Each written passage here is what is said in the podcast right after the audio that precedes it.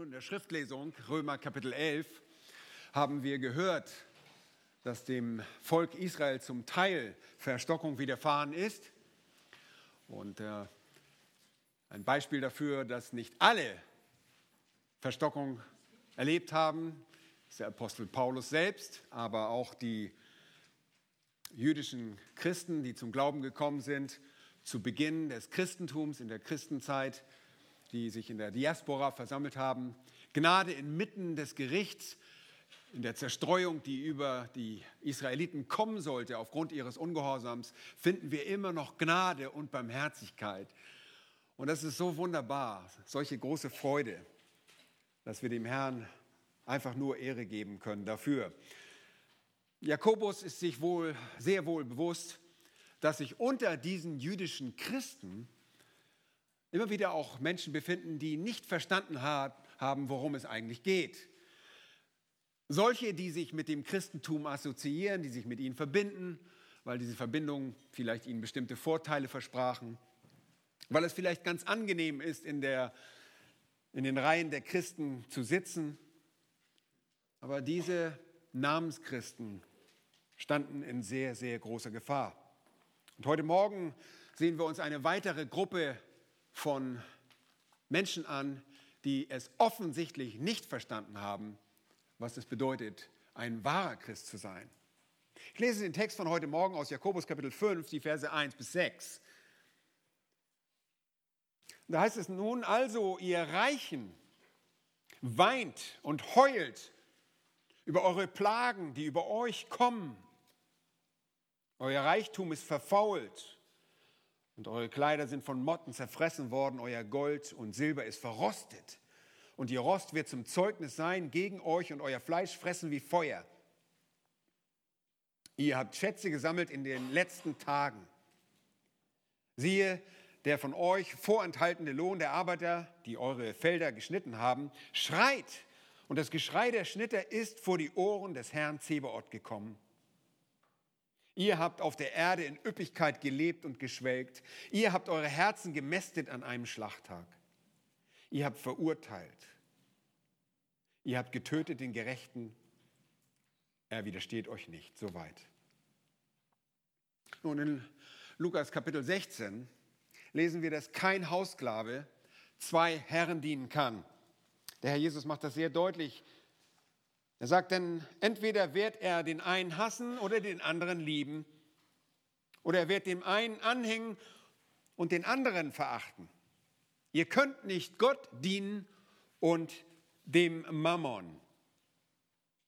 Und deshalb sagte Jesus in der Bergpredigt auch Folgendes in Matthäus Kapitel 6, die Verse 19 bis 21. Sammelt euch nicht Schätze auf der Erde, wo Motte und Fraß zerstören und wo Diebe durchgraben und stehlen, sammelt euch aber Schätze im Himmel, wo weder Motte noch Fraß zerstören und wo Diebe nicht durchgraben noch stehlen. Denn wo dein Schatz ist, da wird auch dein Herz sein. Ihr Lieben, nichts macht das menschliche Herz in irgendeiner Art und Weise transparenter oder durchschaubarer wie seine Einstellung zum Geld und zum Besitz. Viele Menschen bekennen sich wohl zu Christus. Sie beanspruchen, Christ zu sein. Aber durch ihren schwelgerischen Lebensstil, ihre materialistische Einstellung zum Leben und ihr Konsumdenken macht es unmissverständlich klar, dass sie nicht Gott, sondern dem Mammon dienen. Mammonas, das Wort, das griechische Wort, das mehrmals im Neuen Testament vorkommt, ist eigentlich ein chaldäisches Wort. Mammon ist eine Personifikation des Reichtums. Deshalb spricht man auch von dem ungerechten Mammon. Und die Diener des Mammons nennt man auch Mammonisten oder Mammonsdiener. Wie wir schon vormals betont haben, stellt Jakobus uns in seinem Buch immer wieder vor Prüfungen und die Empfänger vor Prüfungen, die den wahren Glauben bestätigen, ihn validieren oder ihn eben ungültig machen, ihn als falsch erweisen. Und diese Glaubensprüfungen bestätigen entweder die Echtheit oder die Unechtheit des rettenden Glaubens. Und genauso können wir uns anhand dieser Prüfungskriterien im Jakobusbrief immer wieder fragen, ist mein Glaube ein rettender Glaube oder mache ich mir etwas vor?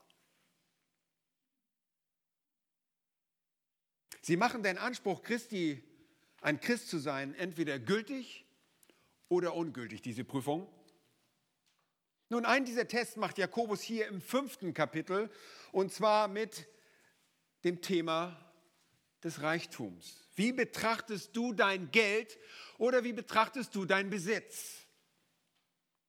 Die ersten sechs Verse enthalten eine sehr starke Mahnung.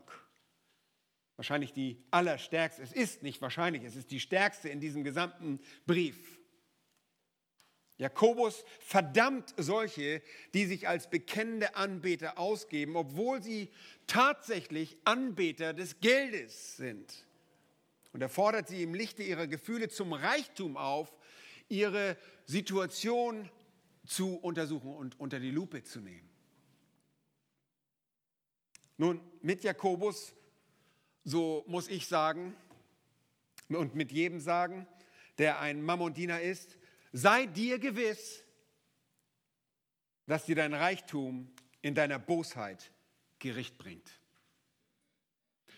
Und ich habe verschiedene Kommentatoren gelesen. Viele schreiben als Überschrift davor Aufruf zu Buße. Aber dies ist kein Aufruf zu Buße.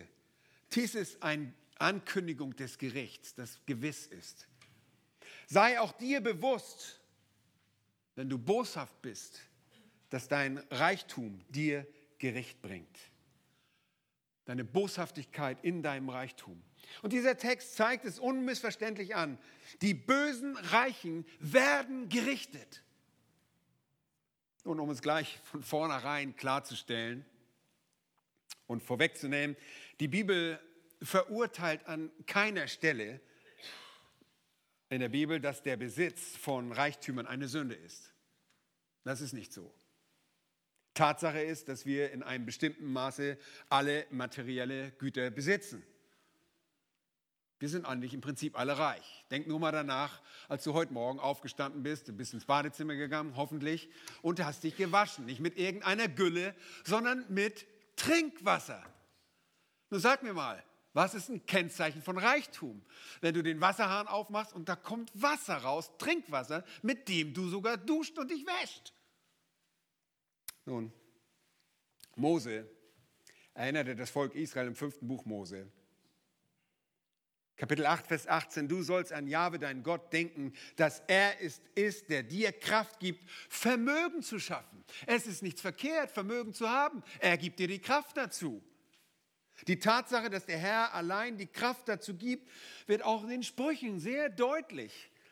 In Kapitel 10, Vers 22 lesen wir, der Segen Jahwes, der macht reich.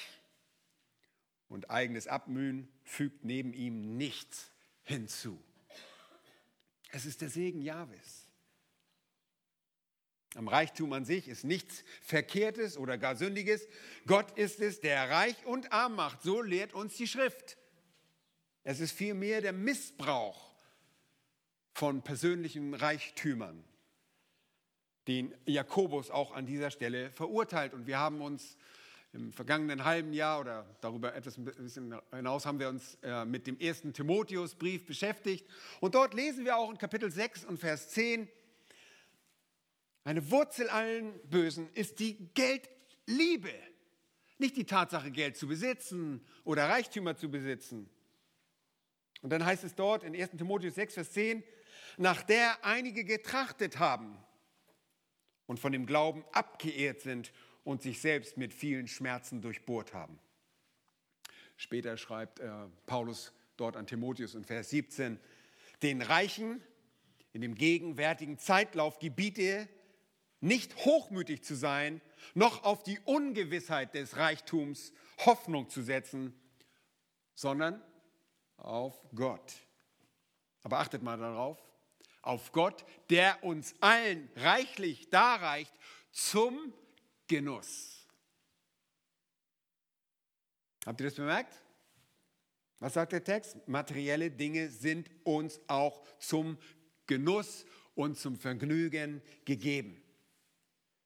Wir sagen immer, das Gold und das Silber in unserer Erde liegt dort auch nicht umsonst oder ist etwa den Maulwürfen in der Erde zur Dekoration gegeben worden. Und Maulwürfe haben sehr kleine Augen und sind teilweise sogar mit, mit Haut überwachsen. Wir wissen gar nicht, die können wahrscheinlich nur hell und dunkel unterscheiden. Die haben nicht so an dem Gold und an dem Silber. Nein. Es ist den Menschen gegeben, um es zu nutzen. Und dass jemand dieses Gold und das Silber nutzt, ist nicht das Problem.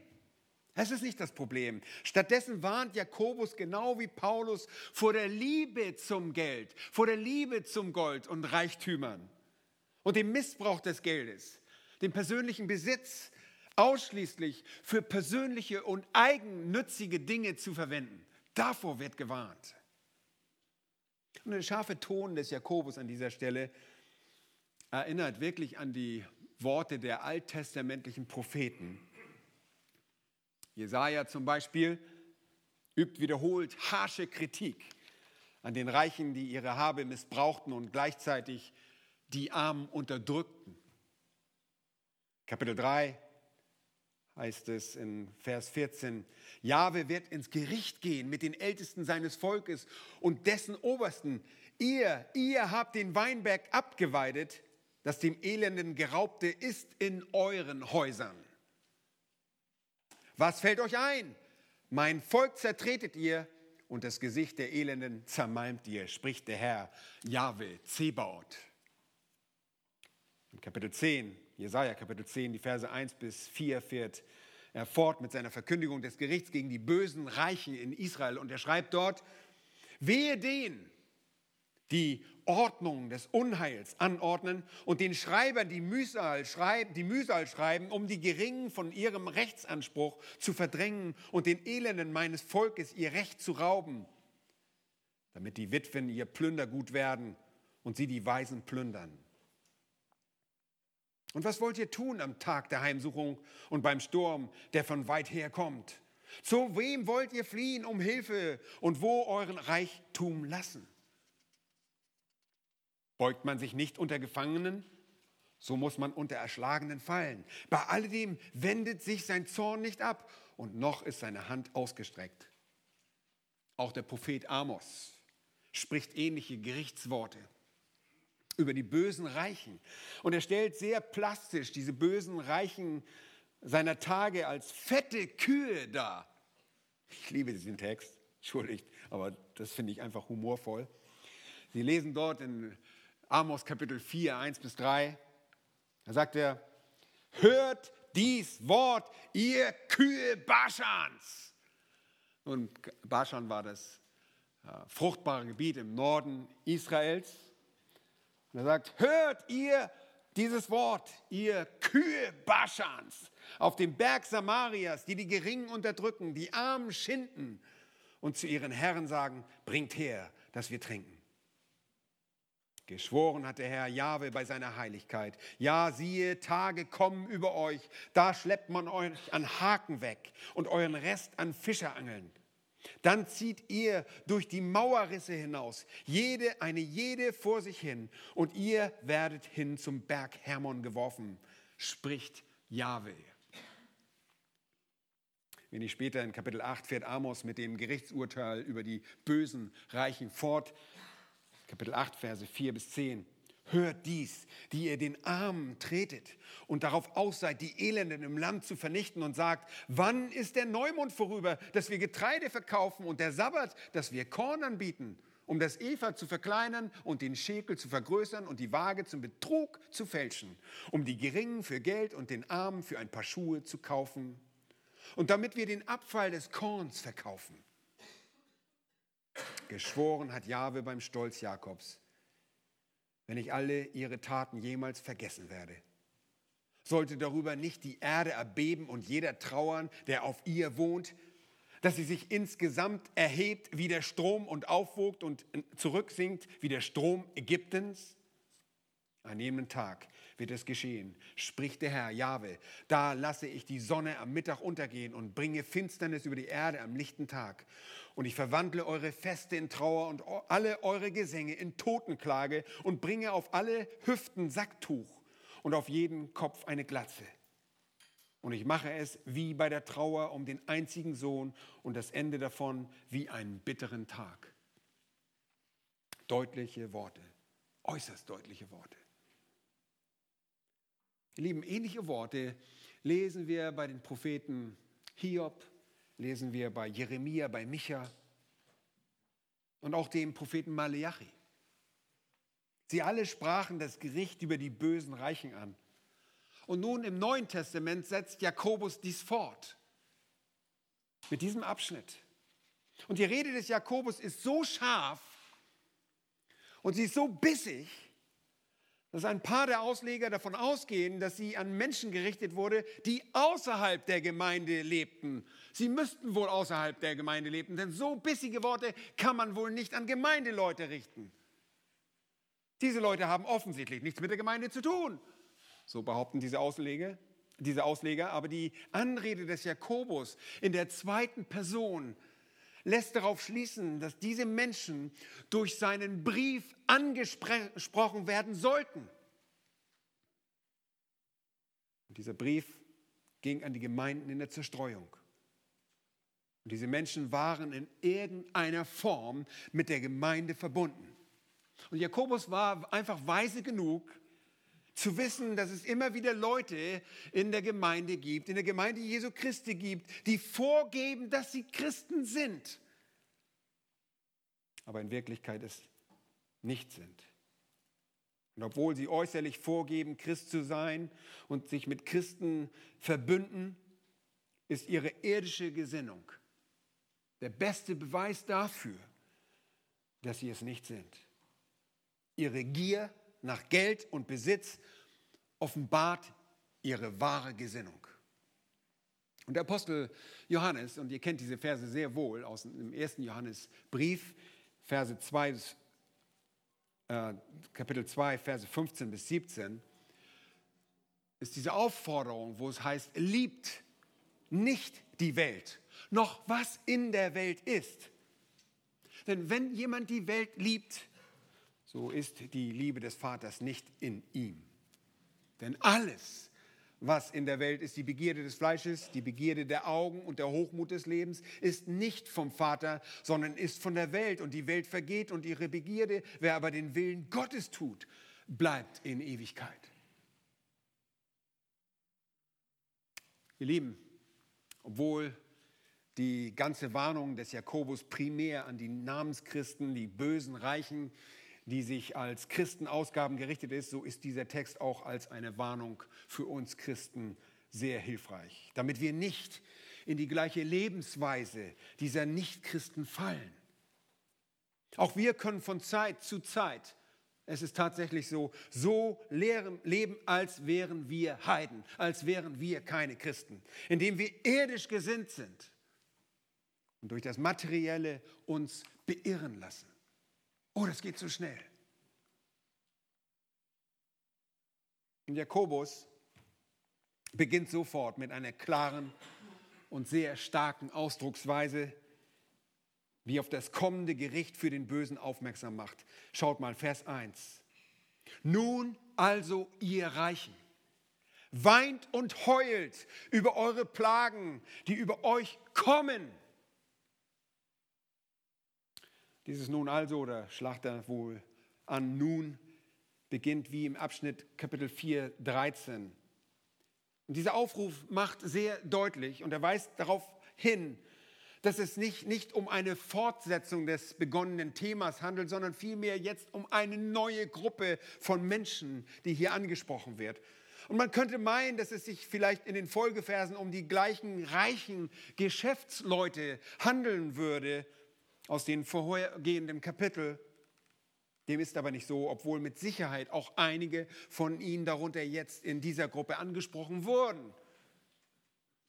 Der nun folgende Abschnitt spricht nicht über die zum Glauben gekommenen und arrogant gewordenen Geschäftsleute unter den Christen, die wieder umkehren mussten, um sich unter den Willen Gottes zu stellen, sondern zeigt vielmehr eine Gruppe nicht gläubiger, selbstgenügsamer, reicher Menschen auf, denen das bevorstehende Gericht Gottes ganz deutlich vor Augen gemalt wird. Und Jakobus fordert im Prinzip eigentlich nur in einer Art rhetorischen, in einer rhetorischen Art und Weise auf, zu weinen und zu heulen.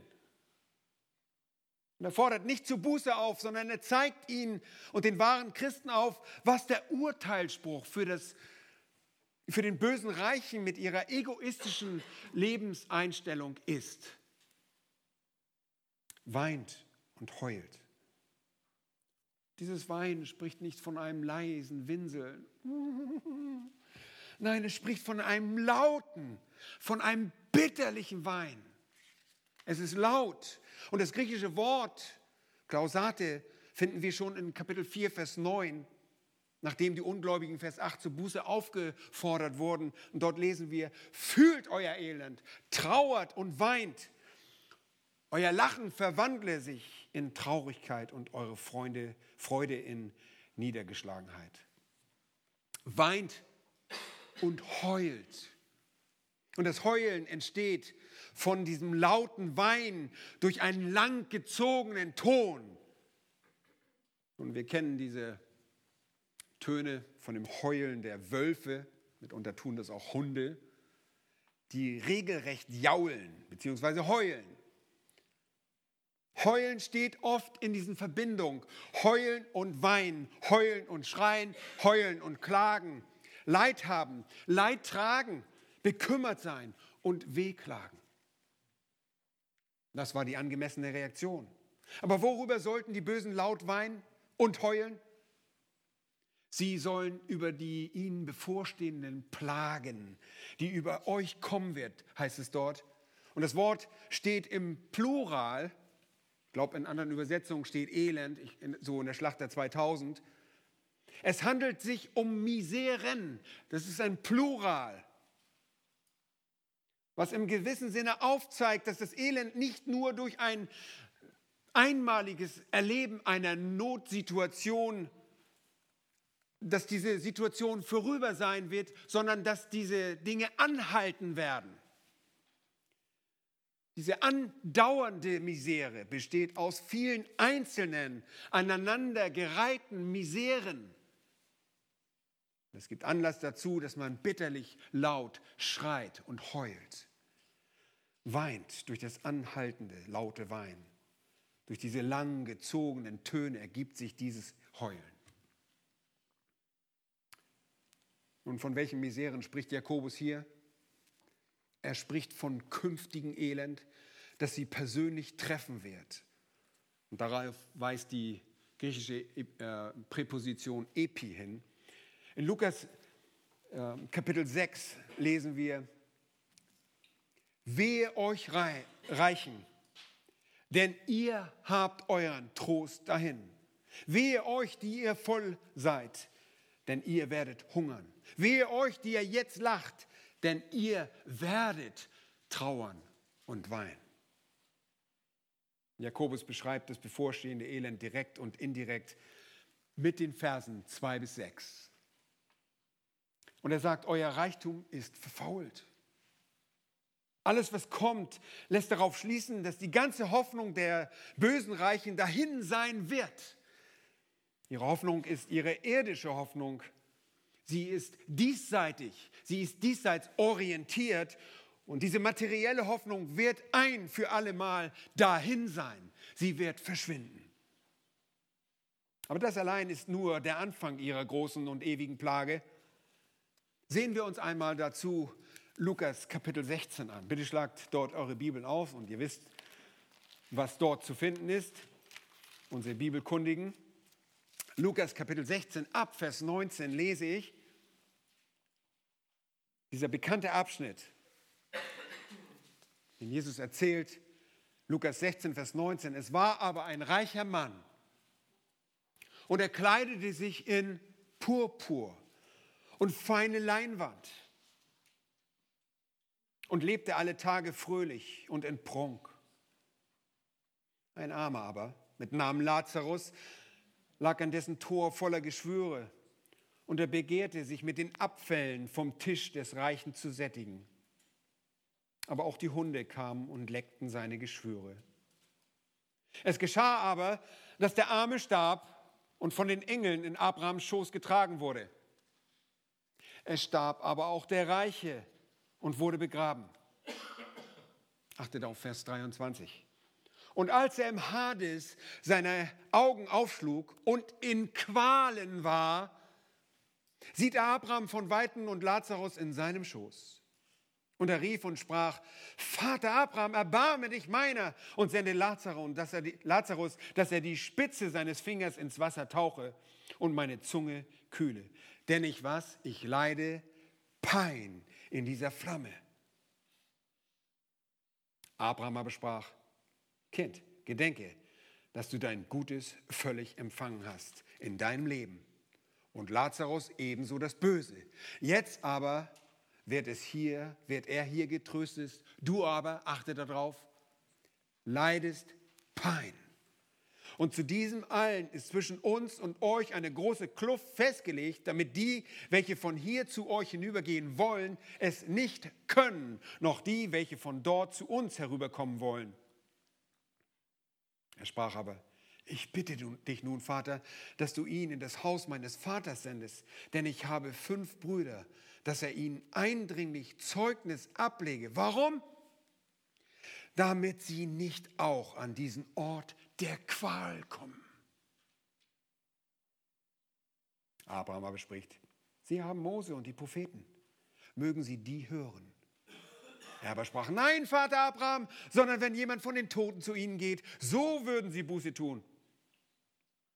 Er sprach aber zu ihm, wenn sie Mose und die Propheten nicht hören, so werden sie auch nicht überzeugt werden, wenn jemand aus den Toten aufersteht. Nun, der Ort für die verlorenen Reichen ist ein Ort der ewigen Qual und Pein. Habt ihr das zur Kenntnis genommen? Dass es immer wiederholt wurde, Qual und Pein. Und Jakobus sagt, Vers 2, in Kapitel 5, Vers 2, euer Reichtum ist verfault. Und eure Kleider sind von Motten zerfressen worden. Nun, ihr Lieben, Reichtümer bestanden in, zu biblischer Zeit meist aus Getreide, aus Öl, aus anderen wertvollen Materialien wie exklusive Kleidung, aber auch Gold und Silber waren unter diesen Reichtümern. Und diese Reichtümer standen immer in der Gefahr, irgendwie verloren zu gehen. Kostbare Öle konnten ranzig werden. Getreide und kostbare Gewürze konnten aus verschiedenen Grund, Gründen, begünstigt durch äh, das Klima und die dort vorherrschenden Plagen, durch Insekten und ähnlichen, verderben. Und aus Josua Kapitel 7 erfahren wir, und ihr kennt die Sünde Achans, dass schöne und wertvolle Kleidung zur Versuchung werden kann. Ich meine jetzt nicht HM-Kleidung. Wir lesen in Josua 7, Vers 21 das, die Worte Achans. Und da heißt es, ich sah unter der Beute einen schönen Mantel aus Babylonien, nicht von H&M, sowie 200 Schekel Silber und einen Goldbarren, sein Gewicht 50 Schekel. Und ich bekam Lust danach. Und ich nahm es und siehe, es ist im Innern meines Zeltes im Boden verscharrt und das Silber ist darunter. Wertvolle Kleider hatten einen ganz großen Feind. Und wir lesen nochmals Vers 2, eure Kleider sind von Motten zerfressen. Sie sind von Motten zerfressen worden. Und Jakobus spricht hier natürlich nur bildhaft von dem Verlorengehen ihres Wohlstandes, aber jeder verstand seine bildhafte Sprache. Und man kannte nur gut das Problem der sogenannten Kleidermotte. Möglicherweise haben auch einige von euch damit ein paar Erfahrungen gemacht. Die Kleidermotte ist kosmopolitisch, verbreitet, also eine kleine Insektenart, die überall auf der Welt zu finden ist. Mein Großvater war ein weltberühmter Entomologe, da ist nicht viel bei mir von hängen geblieben. Ich benutze höchstens Insektenspray, um äh, sie für mir vom Leib zu halten. Diese komischen, lästigen Viecher. Aber Kleiderklamotten kommen, wie man sich denken kann, in Kleiderschränken vor, in Polstermöbeln, in Fellen und sie können in der Tat sehr großen Schaden anrichten. Wohl dem, der günstige Kleidung hat. Nun, diese kleinen Falter mit einer Flügelspanne von 12 bis 16 mm sind braun-gelblich gefärbt und besitzen einen kräftig gelben Kopfhaarbusch. Und ihre fleckenlosen Flügel sind rötlich-gelb gefärbt. Völlig unwichtig, vergesst es wieder. Bei uns fliegen die Falter im Frühjahr, meistens im Mai, so im Wohnzimmer tanzen sie rum. In der Wohnräumen her, manchmal auch in geheizten Räumen kommen sie auch im Winter vor. In Israel, und das könnt ihr euch sehr gut vorstellen, durch das Klima bedingt waren sie zu jeder Zeit aktiv. Und sind sie es wohl heute auch noch. Und die Weibchen legen die Eier in die verschiedensten Stoffe ab. Und dann werden diese Eier in die Vertiefung des Materials hineingelegt. Das Nahrungsspektrum der Motte reicht von der Wolle über die Polster zu Tierhaaren bis hin zu Federn und Fellen. Nach acht bis zehn Tagen schlüpfen die schmutzig gelben Larven.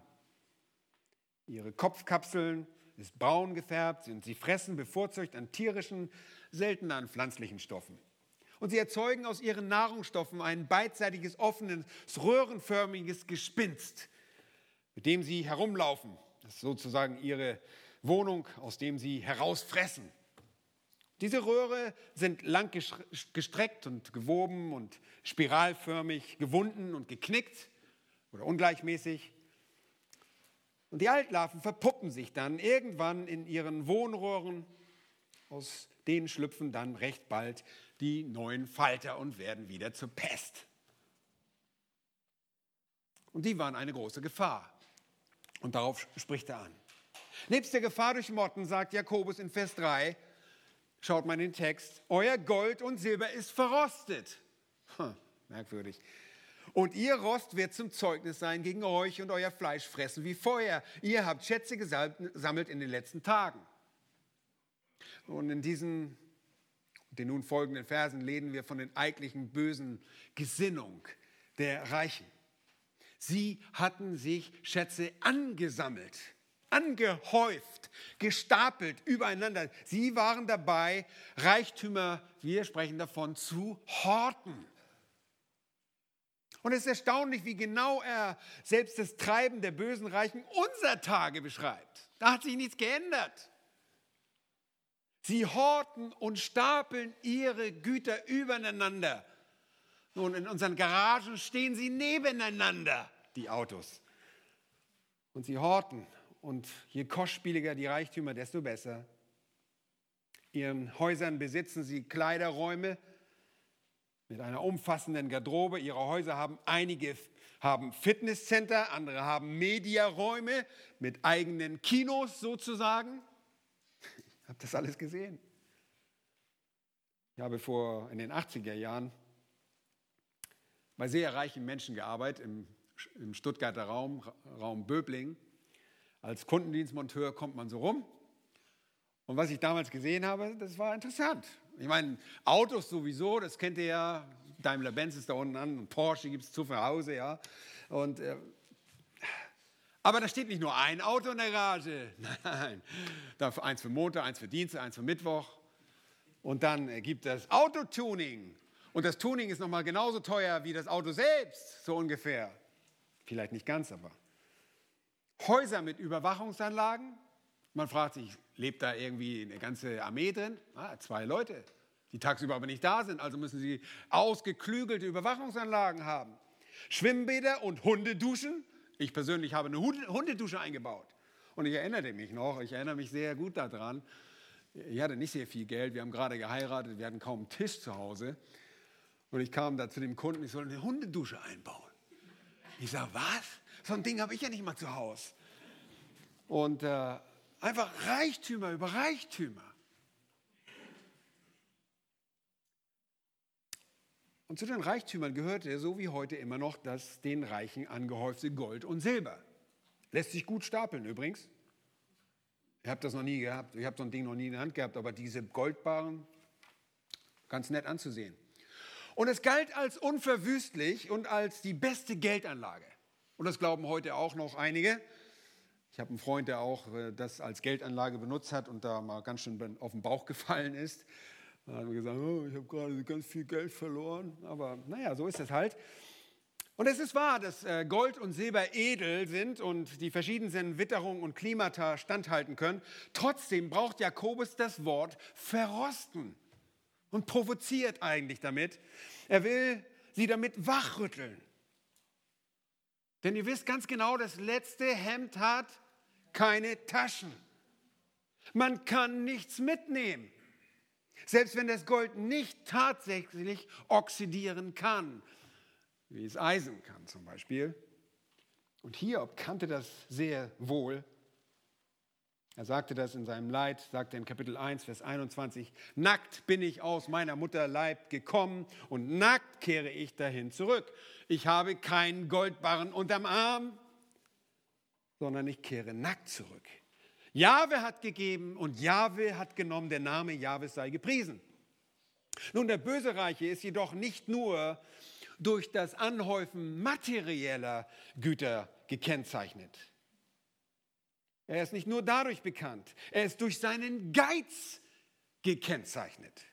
Und das findet man heute überall. Man denke nur an bestimmte Werbeslogans, die uns sehr wohl im Kopfe sind, die wir nicht unbedingt wiederholen müssen. Aber Geiz bewirkt kein Heil, sage ich dann immer dazu. Ich sage mal, habe ich das falsch verstanden? Geiz bewirkt kein Heil. Wir lesen in Vers 4. Siehe, der von euch vorenthaltene Lohn der Arbeiter, die eure Felder geschnitten haben, schreit. Und das Geschrei der Schnitter ist vor die Ohren des Herrn Zebaoth gekommen. Und ein Kommentator schreibt, die Arbeiter, die die Felder geschnitten haben, wurden ihres rechtmäßigen Lohnes beraubt. Obwohl die Arbeiter dagegen reden mochten, waren sie doch recht hilflos, wenn sie Ausgleich verlangten. Sie hatten auf Erden niemanden, den sie ihre Sache ordentlich äh, anvertrauen konnten. Doch wurden ihre Rufe vom Herrn Zebaoth gehört, vom Herrn der Heerscharen. Und in diesem Abschnitt kommt eine weitere Absicht des Jakobus zum Tragen. Viele der zum Glauben gekommenen Juden waren sehr arm, das wisst ihr. Äh, viele waren aus wirtschaftlichen Gründen weggegangen, einige durch Verfolgung. Und sie litten unter der Verfolgung ihrer eigenen Landsleute zunächst einmal. Ihre Bedrängnis war groß und sie war materiell und physisch spürbar. Und die Worte über die bevorstehenden Plagen der Reichen wurden ihnen somit was? Zum Trost. Sie wurden ihnen zum Trost. Diejenigen, die sie ausbeuteten, gegen die sie nicht die geringste Chance zur Darsetzung, Durchsetzung ihrer Rechte hatten, weil sie ja schließlich für sie arbeiteten, wurden, würden ihr gerechtes Urteil empfangen. Glaubt mir, das ist Trost. Das Geschrei der Schnitter ist vor die Ohren des Herrn Zebaoth gekommen. Vom Gesetz her war die Ausbeutung der Tagelöhner geregelt. Und in 3. Mose 19, Vers 13 lesen wir, du sollst deinen Nächsten nicht unterdrücken und du sollst ihn nicht berauben. Der Lohn des Tagelöhners darf über Nacht bis zum Morgen nicht bei dir bleiben. Interessant, oder? Er musste immer gleich ausgezahlt werden. In 5. Mose 24, Verse 14 und 15 heißt es, du sollst den bedürftigen und armen Lohnarbeiter nicht unterdrücken. Sei er einer von deinen Brüdern oder von deinen Fremden, die in deinem Land, in deinen Toren wohnt. Am selben Tag sollst du ihm seinen Lohn geben und die Sonne soll nicht darüber untergehen. Also deutlicher geht's nicht. Denn er ist bedürftig und verlangt sehnsüchtig danach damit er nicht über dich zu Jahwe schreit und Sünde an dir ist. Aber ihr Lieben, genau das mussten die bestellten Schnitter tun. Sie schrien zum Herrn. Sie schrien und er hörte. Nun, unser Herr ist Gott Zebaoth. Er ist Herr der Heerscharen, bedeutet das. Er bedeutet, dass er Gott aller Armeen ist. Er ist absolut erhaben. Er hat absolute Kontrolle. Er ist der Befehlshaber aller himmlischen sowie aller irdischen Kriegsheere. Der Name Gottes an dieser Stelle stellt ein Trost für den Unterdrückten dar. Der zum Glauben gekommene Jude ist mit den Verheißungen Jahwes, Zebaoth, dem Bundesgott, so sehr vertraut. Eine große Verheißung diesbezüglich lesen wir auf den letzten Seiten des Alten Testaments, ein Abschnitt, den ihr auch sehr gut kennt, aus Maleachi Kapitel 3 und die Verse 19 bis 21. Da heißt es, denn siehe, der Tag kommt, der wie ein Ofen brennt. Da werden alle Frechen und alle, die gottlos handeln, Strohstoppeln sein. Und der kommende Tag wird sie verbrennen, spricht Jahwe Zebaoth, Herr der Herrscher, so dass er ihnen weder Wurzel noch Zweig übrig lässt. Aber euch, die ihr meinen Namen fürchtet, wird die Sonne der Gerechtigkeit aufgehen und Heilung ist unter ihren Flügeln. Und ihr werdet hinausgehen und herspringen wie Mastkälber. Und ihr werdet die Gottlosen zertreten, denn sie werden Staub unter euren Fußsohlen an dem Tag, den ich machen werde, spricht Jahwe Zebot. Nun, dieser Name, der Name unseres lebendigen Gottes spricht von seiner Souveränität und für die Gewissheit, dass er Gerechtigkeit schaffen wird. Er wird tun, was er sagt. Und der böse Unterdrücker wird sein Gericht erhalten. Ganz wie Jakobus es andeutet. Lieben, wir müssen uns nicht beehren lassen wenn Menschen uns herum mehr haben als wir. Und ich sagte schon, wir sind auch reich. Aber lassen wir uns nicht beirren. Der Reiche wird krank. Der Reiche, so haben wir gelesen in Lukas 16, der Reiche muss sterben. Und selbst wenn wir es nicht gelesen haben, der Reiche wird sterben. Er wird sein Urteil empfangen. Und es wird Gerechtigkeit kommen. Gott ist der Gerechte. Nochmals, keiner von uns ist wirklich arm. Wenn du meinst, arm zu sein, dann beginne damit, deine Segnungen alle aufzuzählen. Wenn du meinst, du bist arm und undankbar, dann bist du einfach nur stolz. Tu Buße, kehr um. Sag dem Herrn, ich bin einfach nur stolz, ich habe alles, was ich brauche. Denn der Herr ist dein Hirte. Dir wird nichts mangeln. Keiner von uns braucht sich vor der Zukunft zu fürchten, denn Gott, der Herr aller Heerscharen, er sorgt für uns. Garantiert. Und die bösen Reichen dagegen haben alles zu fürchten. Sie haben ihren Lohn dahin. Schaut einmal in Vers 5. Ihr habt auf der Erde in Üppigkeit gelebt und geschwelgt. Oh, das ist vorbei. Das ist passé. Ihr habt eure Herzen gemästet an einem äh, Schlachttag. Was vergeuden die Reichen ihre Gelder, ihr Hab und Gut, weil sie nicht wissen, was sie damit tun sollen. Ich meine, was kann man auch damit machen?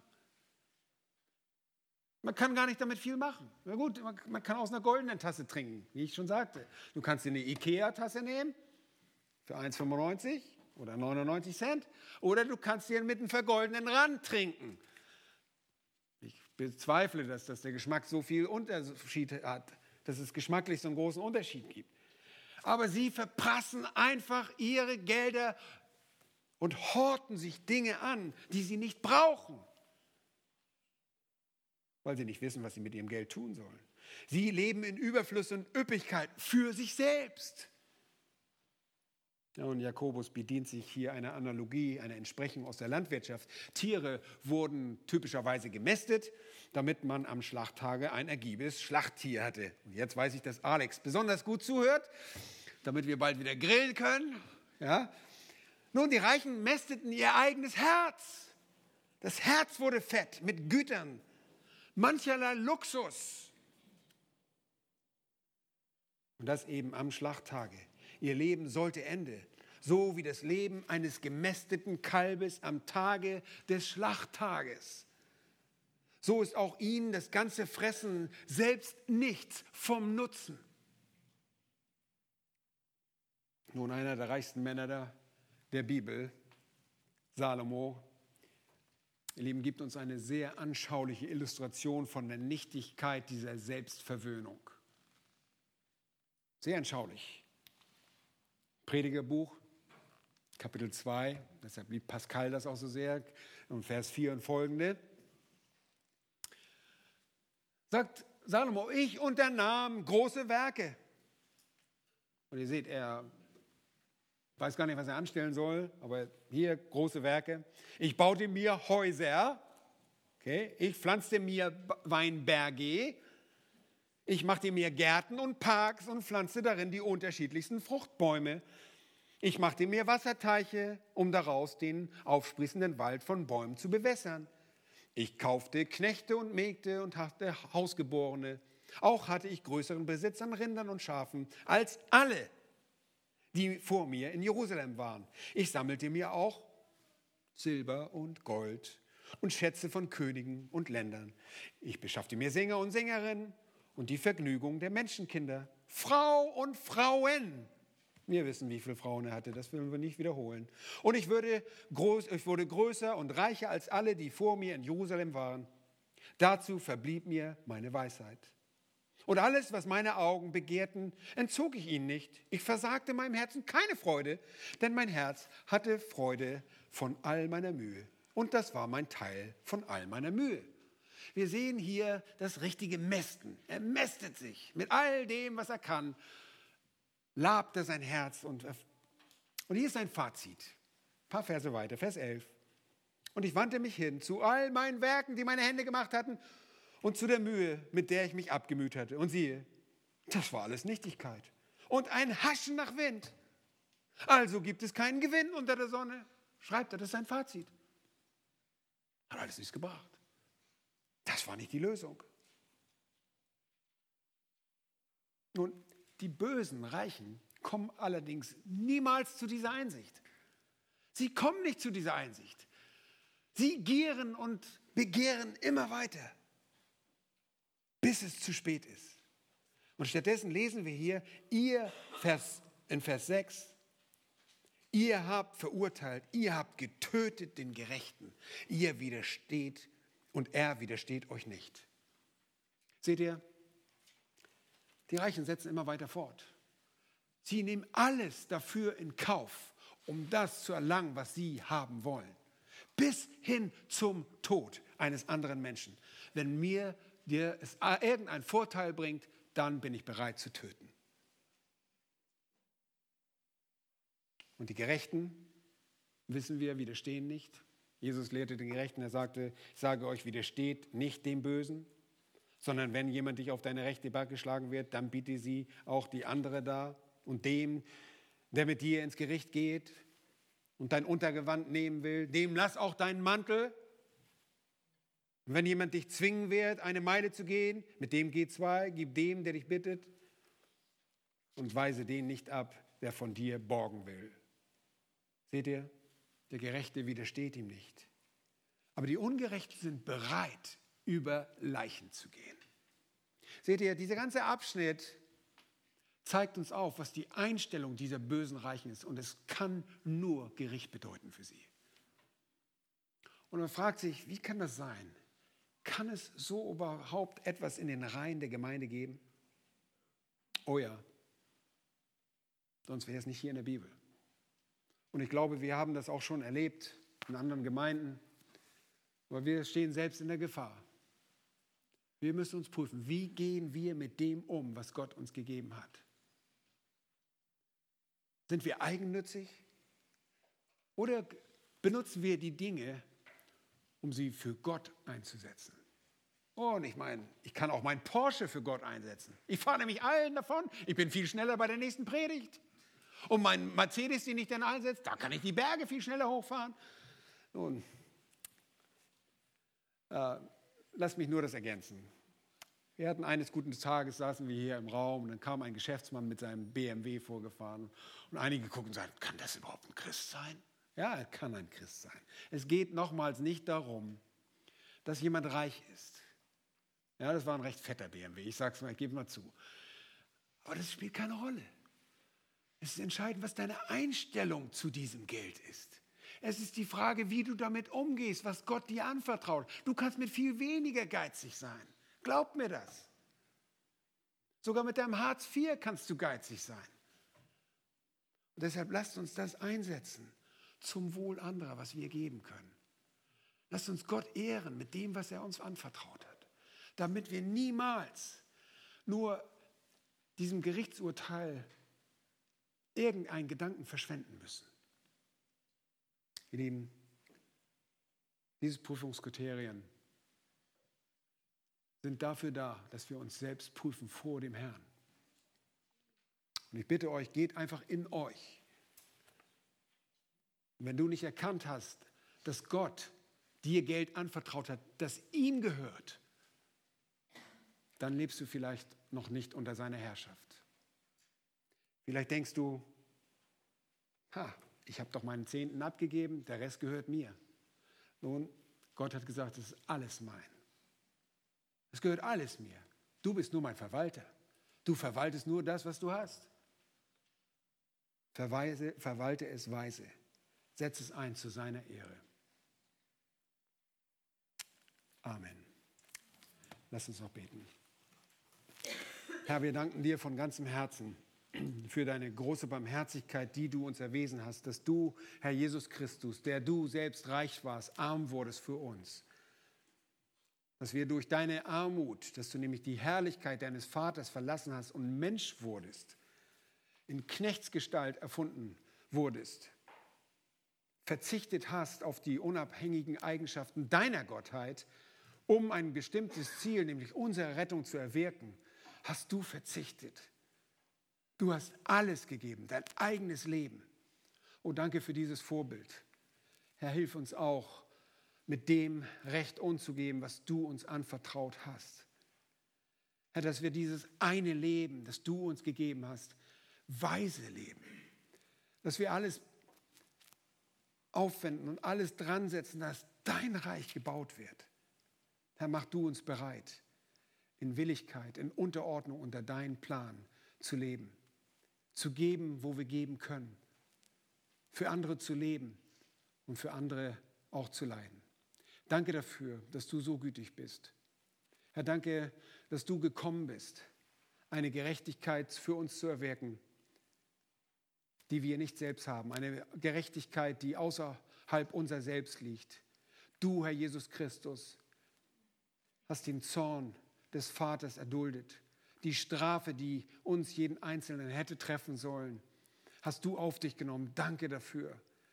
Danke, dass du dich nicht gescheut hast, den Moment der Abwendung des Vaters nicht in den Vordergrund gestellt hast und dich abbringen lassen hast von dem Willen des Vaters, der auch diesen Willen, dass du ans Kreuz gehen würdest, mit dir in Übereinkunft getroffen hat. Danke, dass wir wissen, dass du als der Gehorsame unser ultimatives Vorbild bist. Danke, dass du uns Gerechtigkeit geworden bist. Danke, dass wir deine Gerechtigkeit zubeschrieben bekommen haben durch den Glauben. Und so hilf du uns im Angesicht der Barmherzigkeit, die du uns erweist, auch unser Leben zu geben, koste es, was es wolle. Das bitten wir um deines Namens willen. Amen.